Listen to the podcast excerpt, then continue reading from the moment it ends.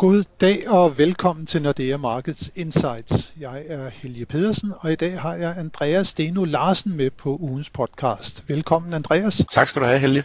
Vi har været en spændende uge, som har budt på ny information om inflationsudviklingen, både herhjemme og ude i den store verden. Og inflationen er på vej op men spørgsmålet er, om det kun er midlertidigt. Endvidere har ECB holdt rentemøde i Frankfurt, et møde, hvor de noget overraskende offentliggjorde en stor opjustering af vækstskønnet for euroområdet, ligesom banken nu også ser inflationen komme ud højere end vurderingen var det i marts måned. Men markederne har til gengæld taget den nye information til sig med stor skro. Renten er faldet, og aktiekurserne fortsat op. Og Andreas, det kan jo være lidt underligt, at markederne tager det på denne her måde, når nu inflationen faktisk er på vej op. Men hvad var egentlig det vigtigste budskab fra Christine Lagarde Company på mødet i går i Frankfurt? Ja, men det vigtigste budskab fra dem, det er, at de bliver ved med at holde speederen i bund på deres obligationsopkøbsprogram. Øh, det var egentlig det, der var lidt til debat forud for det her møde, om man skulle begynde at skrue på det ugentlige tempo for øh, opkøb af obligationer. Man, øh, man bliver altså ved med at købe for 80 milliarder om, øh, om måneden øh, i euro. Øh, så det er altså masser af obligationsopkøb stadigvæk, og det er også et, et større beløb, end hvad vi så i starten af året. Så ECB er, er stadigvæk øh, meget, meget aktiv i, øh, i markederne, må man sige. Man kan vel egentlig sige, at det, jeg ved ikke om man skal sige paradoxalt, men øh, man kommer med en kraftig opjustering af vækstforventningerne fra 4% øh, forventning om, om væksten i år i marts måned til nu 4,6 procent, og på samme måde har man også øh, opjusteret vækstforventningerne til næste år meget kraftigt fra 4,1 til 4,7 procent. Ligger der sådan øh, lidt i de her nye forventninger, at de måske betinget af, at man fortsætter opkøbsprogrammet i det tempo, som man gør det nu, og man altså vil sikre sig, at der ikke kommer de her alt for dybe ar, oven på, på pandemien i, i euroområdet. Ja, sådan kan man nok godt formulere det. Altså, der er ingen tvivl om, at uh, den europæiske centralbank går med livrem og seler i, uh, i den her uh, genopretningsfase, som vi er inde i i øjeblikket. Og det er egentlig lidt det samme billede, vi ser rundt omkring hos andre centralbanker også. At uh, man vælger uh, simpelthen at, at gå med livrem og seler og forsøger at gøre alt, hvad man kan for at understøtte økonomien i den her genopretningsfase, vi er i. Uh, og så hellere lave lidt for meget stimulus end lidt for lidt. Det er simpelthen tilgang. Og nu har vi snakket lige lidt om deres øh, nye vækstforventninger.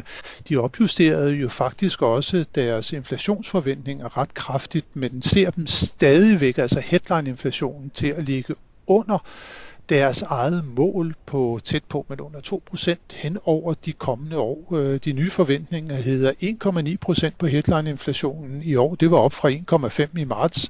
1,5% til næste år op fra 1,2% og så uændret 1,4% blot i 2023.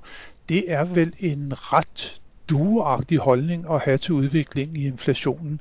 Hvorfor er det, at ECB ikke ser noget sådan underliggende stort inflationspres komme til euroområdet? Altså man kan sige, det er jo næsten en lille smule patetisk, de ikke selv tror på, at de kan nå i mål med deres inflationsmål i 2023. Mm. For det må man jo sige, at beskeden er, at de, de når ikke inflationsmålet i 2023. Og det hænger jo sammen med, at der stadigvæk er et stort efterslæb på, på arbejdsmarkedet rundt omkring i Europa. Øh, der er mange, der ikke er i job, øh, og det er uklart, hvornår at øh, vi får sådan mere normaliseret tilstand, især på de sydeuropæiske arbejdsmarkeder igen. ser lidt bedre ud her nordpå i, i Europa. Så, så det det handler meget om, at man er i tvivl om, hvor lang tid der går, før et arbejdsmarkedet kommer til at ligne sig selv. Øh, og så tror jeg også grundlæggende før coronakrisen, at man fandt ud af, at der var måske større efterslæb på de sydeuropæiske aktier, øh, arbejdsmarkeder, end hvad man havde troet. Og så er der måske også det i det, som øh, Lagarde i går øh, gjorde ret meget ud af at forklare sådan, at man, man ser det der inflationspres lige nu som midlertidigt drevet meget af de højere øh, energipriser, der følger olieprisstigningen, og så også af den kendskærning, at Tyskland jo øh, gik tilbage til en normal mom, der igen har trukket øh, priserne i det store euroland Tyskland op. Ja, det må man sige, men det er jo hele den, den vigtige diskussion, vi står overfor den her sommer. Er inflationen midlertidig, eller er den ikke midlertidig? Det er faktisk nøglespørgsmålet mm. den her sommer. Ja, det må man sige. Det, det bliver super spændende at følge uh, inflationsudviklingen hen over de, de kommende måneder, uh, men konklusionen fra ECB, den er vel relativt klar. Uh, pengepolitikken, som du siger, de går med livrem og seler.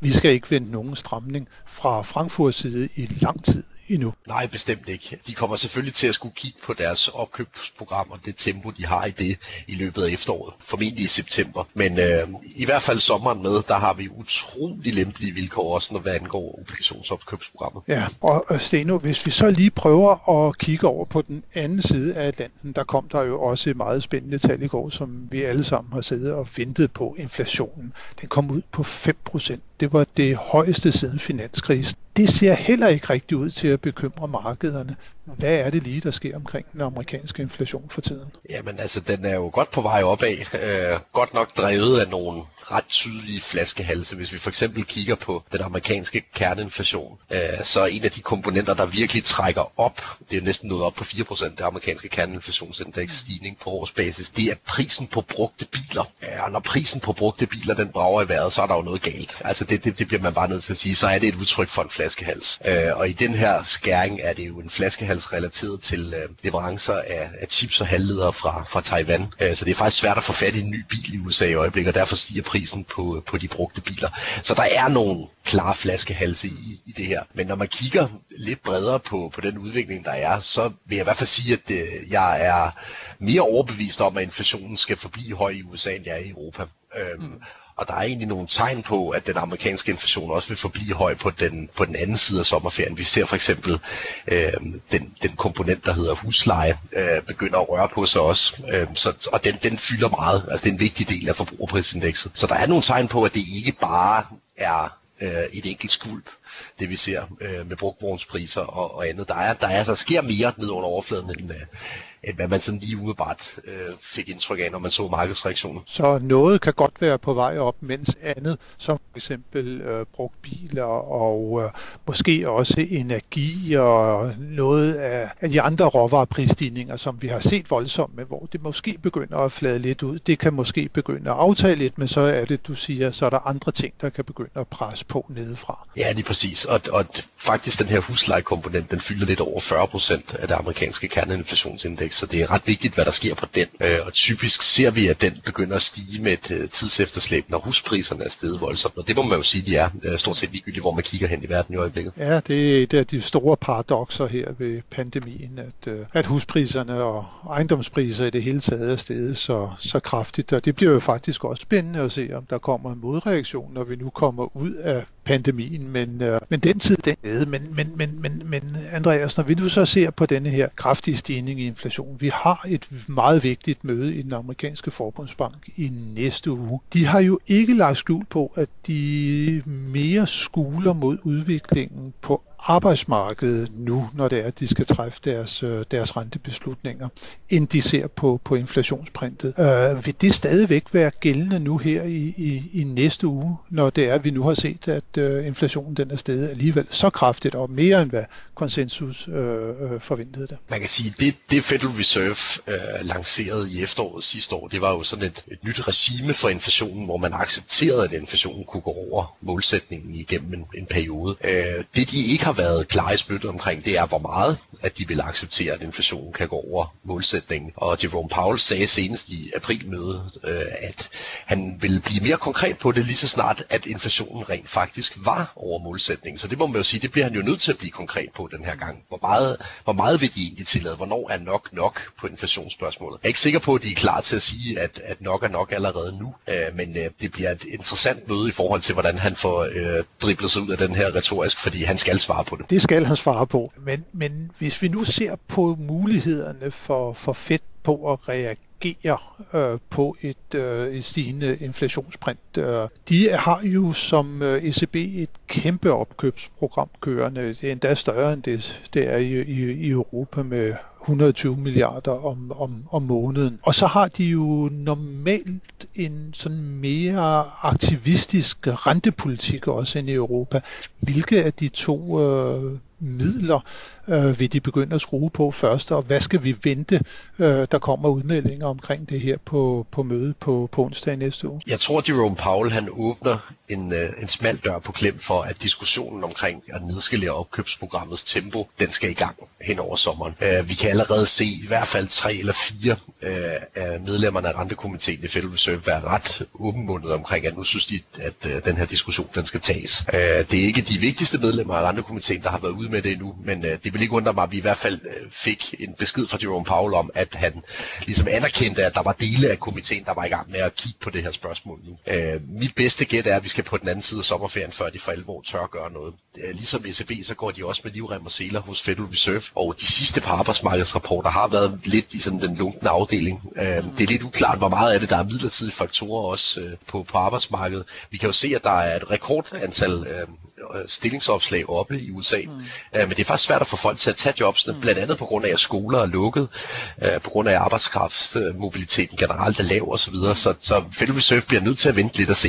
Men i september er det muligt, at de kan rykke på sig. Hvis vi nu leger med tanken om, at de jo rykker lidt på sig i september måned og begynder at få denne her sådan tapering-diskussion uh, sådan for alvor ind i markederne, altså nedskalering og opkøbsprogrammet. Tror du så, at det igen, som vi så det i 13, da Bernanke han nævnte ordet tapering, at det, det igen kan få en reaktion, eller er markederne sådan blevet lidt mere komfortable om, at en nedskalering det skal komme på et tidspunkt, og derfor så giver det måske ikke helt samme kraftige rentereaktion som dengang. Jeg vil sige, at markedet er bedre forberedt den her gang, det vil jeg mene, og øh, nu kan vi også se, at vi to har af flere omgange allerede snakket om tapering i løbet af foråret her, så det har været et tema for stort set alle analytikere og markedsdeltagere i et godt stykke tid allerede. Så jeg, jeg tror ikke, at markederne bliver taget på sengen af det her tema, øh, som de gjorde dengang i 2013. Retningen er jeg dog enig med dig i, at renterne skal op i USA, når de begynder at kigge på den her øh, nedtrapning. Men øh, det bliver ikke lige så voldsomt og dramatisk som i 2013. Det bliver vi i hvert fald også klogere på, øh, Andreas, når det er, at vi kommer længere frem på året. Men hvis vi nu lige her til sidst sådan tager de korte briller på, og kigger på næste uges øh, store begivenheder. Ja, vi har jo allerede været inde på det møde i, i, FOMC-mødet. Det er det absolut vigtigste. Der er også nogle andre sådan lidt øh, interessante nøgletal, og for den sags skyld også centralbankbegivenheder, som vi lige skal have nævnt. Hvis vi lige tager nøgletallene først, så kommer der jo øh, PPI-tal i, i, i USA, altså producentprisindekset, som jo giver en god øh, sådan en strømpil på, hvor at øh, inflationen den bevæger sig hen. Skal vi regne med, at den fortsat øh, peger opad? Ja, det vil være mit bedste, øh, min bedste vurdering. Øh, der er stadigvæk tegn på øh, lange leverancetider. Øh, generelle prisstigninger i, øh, i flere led i, øh, i forsyningskæden osv., så, videre, så det, det peger stadigvæk i den vej øh, i, i forhold til priserne, også i producentledet. Også i producentledet, ja. Øh, og så har vi jo lige igen øh, nogle, nogle centralbankmøder, som vi også lige må nævne her. Der er et interessant møde i Norges Bank. Det går ret godt i norsk økonomi. Skal vi vente, at øh, de kommer med nogle nye meldinger øh, omkring øh, ændringer i, øh, i rentepolitikken? Ja, det er faktisk sandsynligt, at de vil øh, fortælle os, at de har tænkt sig at sætte renten op allerede øh, en gang efter sommerferien. Øh, så der må man sige, at Norge er langt fremme i forhold til, hvad vi ser alle mulige andre steder. Og en af årsagerne er jo, at øh, man, hvis man skulle uddele en guldmedalje i håndtering af, af covid-19-krisen, nok bliver nødt til at give den til, til Norge. Øh, de er kommet godt igennem. Øh, økonomien har det godt, og deres arbejdsløshed den falder som en sten i øjeblikket. Så derfor er Norges Bank også klar til at hæve renten. De er klar til at hæve renten. Hvis vi lige tager den sidste af de banker, som kan være lidt interessante for markederne, i Japan. Bank of Japan mødes også. Hvad skal vi vente derfra? Ah, der kommer ikke til at være det helt store nyt fra, fra dem. Altså, de, de har jo øh, grundlæggende næsten slået deres rentekurve ihjel, og det de har kigget på på det seneste, det er, om de har kunne øh, ændre en lille smule på de øh, parametre, øh, som de styrer rentekurven efter. Øh, så rentekurven på 10 år ligger jo fast omkring 0 øh, i Japan, med et udsvingsbånd på sådan 15-20 basispunkter. Og det de har kigget på på det seneste i Japan, det er måske, at udsvinget skal have lov at være lidt større, nu her hvor at øh, økonomien bliver genoprettet. Så det, der bliver interessant, det er at kigge nordpå mod Norge, og så kigge vest på mod øh, FOMC-mødet. Det må man sige. Allervigtigste, Andreas, det skal vi lige have nævnt, det er, at EM i fodbold jo går i gang nu. og ser vi på næste uges begivenhed, så er det jo braget mod Belgien. Ja, det må man sige. Og det bliver og, med 25.000 øh, tilskuere på lægterne. Det bliver ja. Hvad skal, det, vi, hvad skal vi regne med der? Jamen først og fremmest synes jeg, at man skal kigge forbi uh, Folkehuset Absalon, hvor jeg sidder og kommenterer ja. kampen sammen med, mit, med min egen fodboldpodcast og det panel derfra, så det, det synes jeg, man skal gøre. Men jeg er optimist. For første gang i øh, min voksne levetid, så tror jeg faktisk på, at Danmark kan vinde slutrunde. Der er i hvert fald øh, pisket nogle øh, forventninger i vejret, det må vi sige. Og det, vi har jo revanche til gode mod Belgien, så hvorfor ikke benytte os af chancen? Og så kan jeg sige, at jeg har jo en øh, fortid i Brøndshøj Boldklub, og det belgiske landshold, de skal faktisk træne på Tingbjerg. Der bliver lukket fuldstændig af, desværre, på grund af coronaen, ellers så havde det været alle tiders mulighed at komme en tur omkring Tingbjerg Ground og se de belgiske stjerner øh, være derude i øh, optagsperioden til, til kampen øh, mod øh, Danmark på torsdag. Det kan vi desværre ikke komme, men det er godt nok en stor begivenhed for en klub med stolte traditioner, som jo desværre nu er på vej, eller er øh, i øh, Danmarksserien øh, til, til næste år for første gang i 76 år. Men øh, i hvert fald, Andreas, vi kan konkludere, at det er lidt af en uge med øh, masser af begivenheder, både for de finansielle markeder og for fodboldfolket. Tak til dig for at have været med i denne her uge, og tak til alle jer, som der har lyttet med. Det håber vi, at de også vil gøre, når vi er tilbage med nyt fra de finansielle markeder, og måske også fra fodboldens verden i næste uge.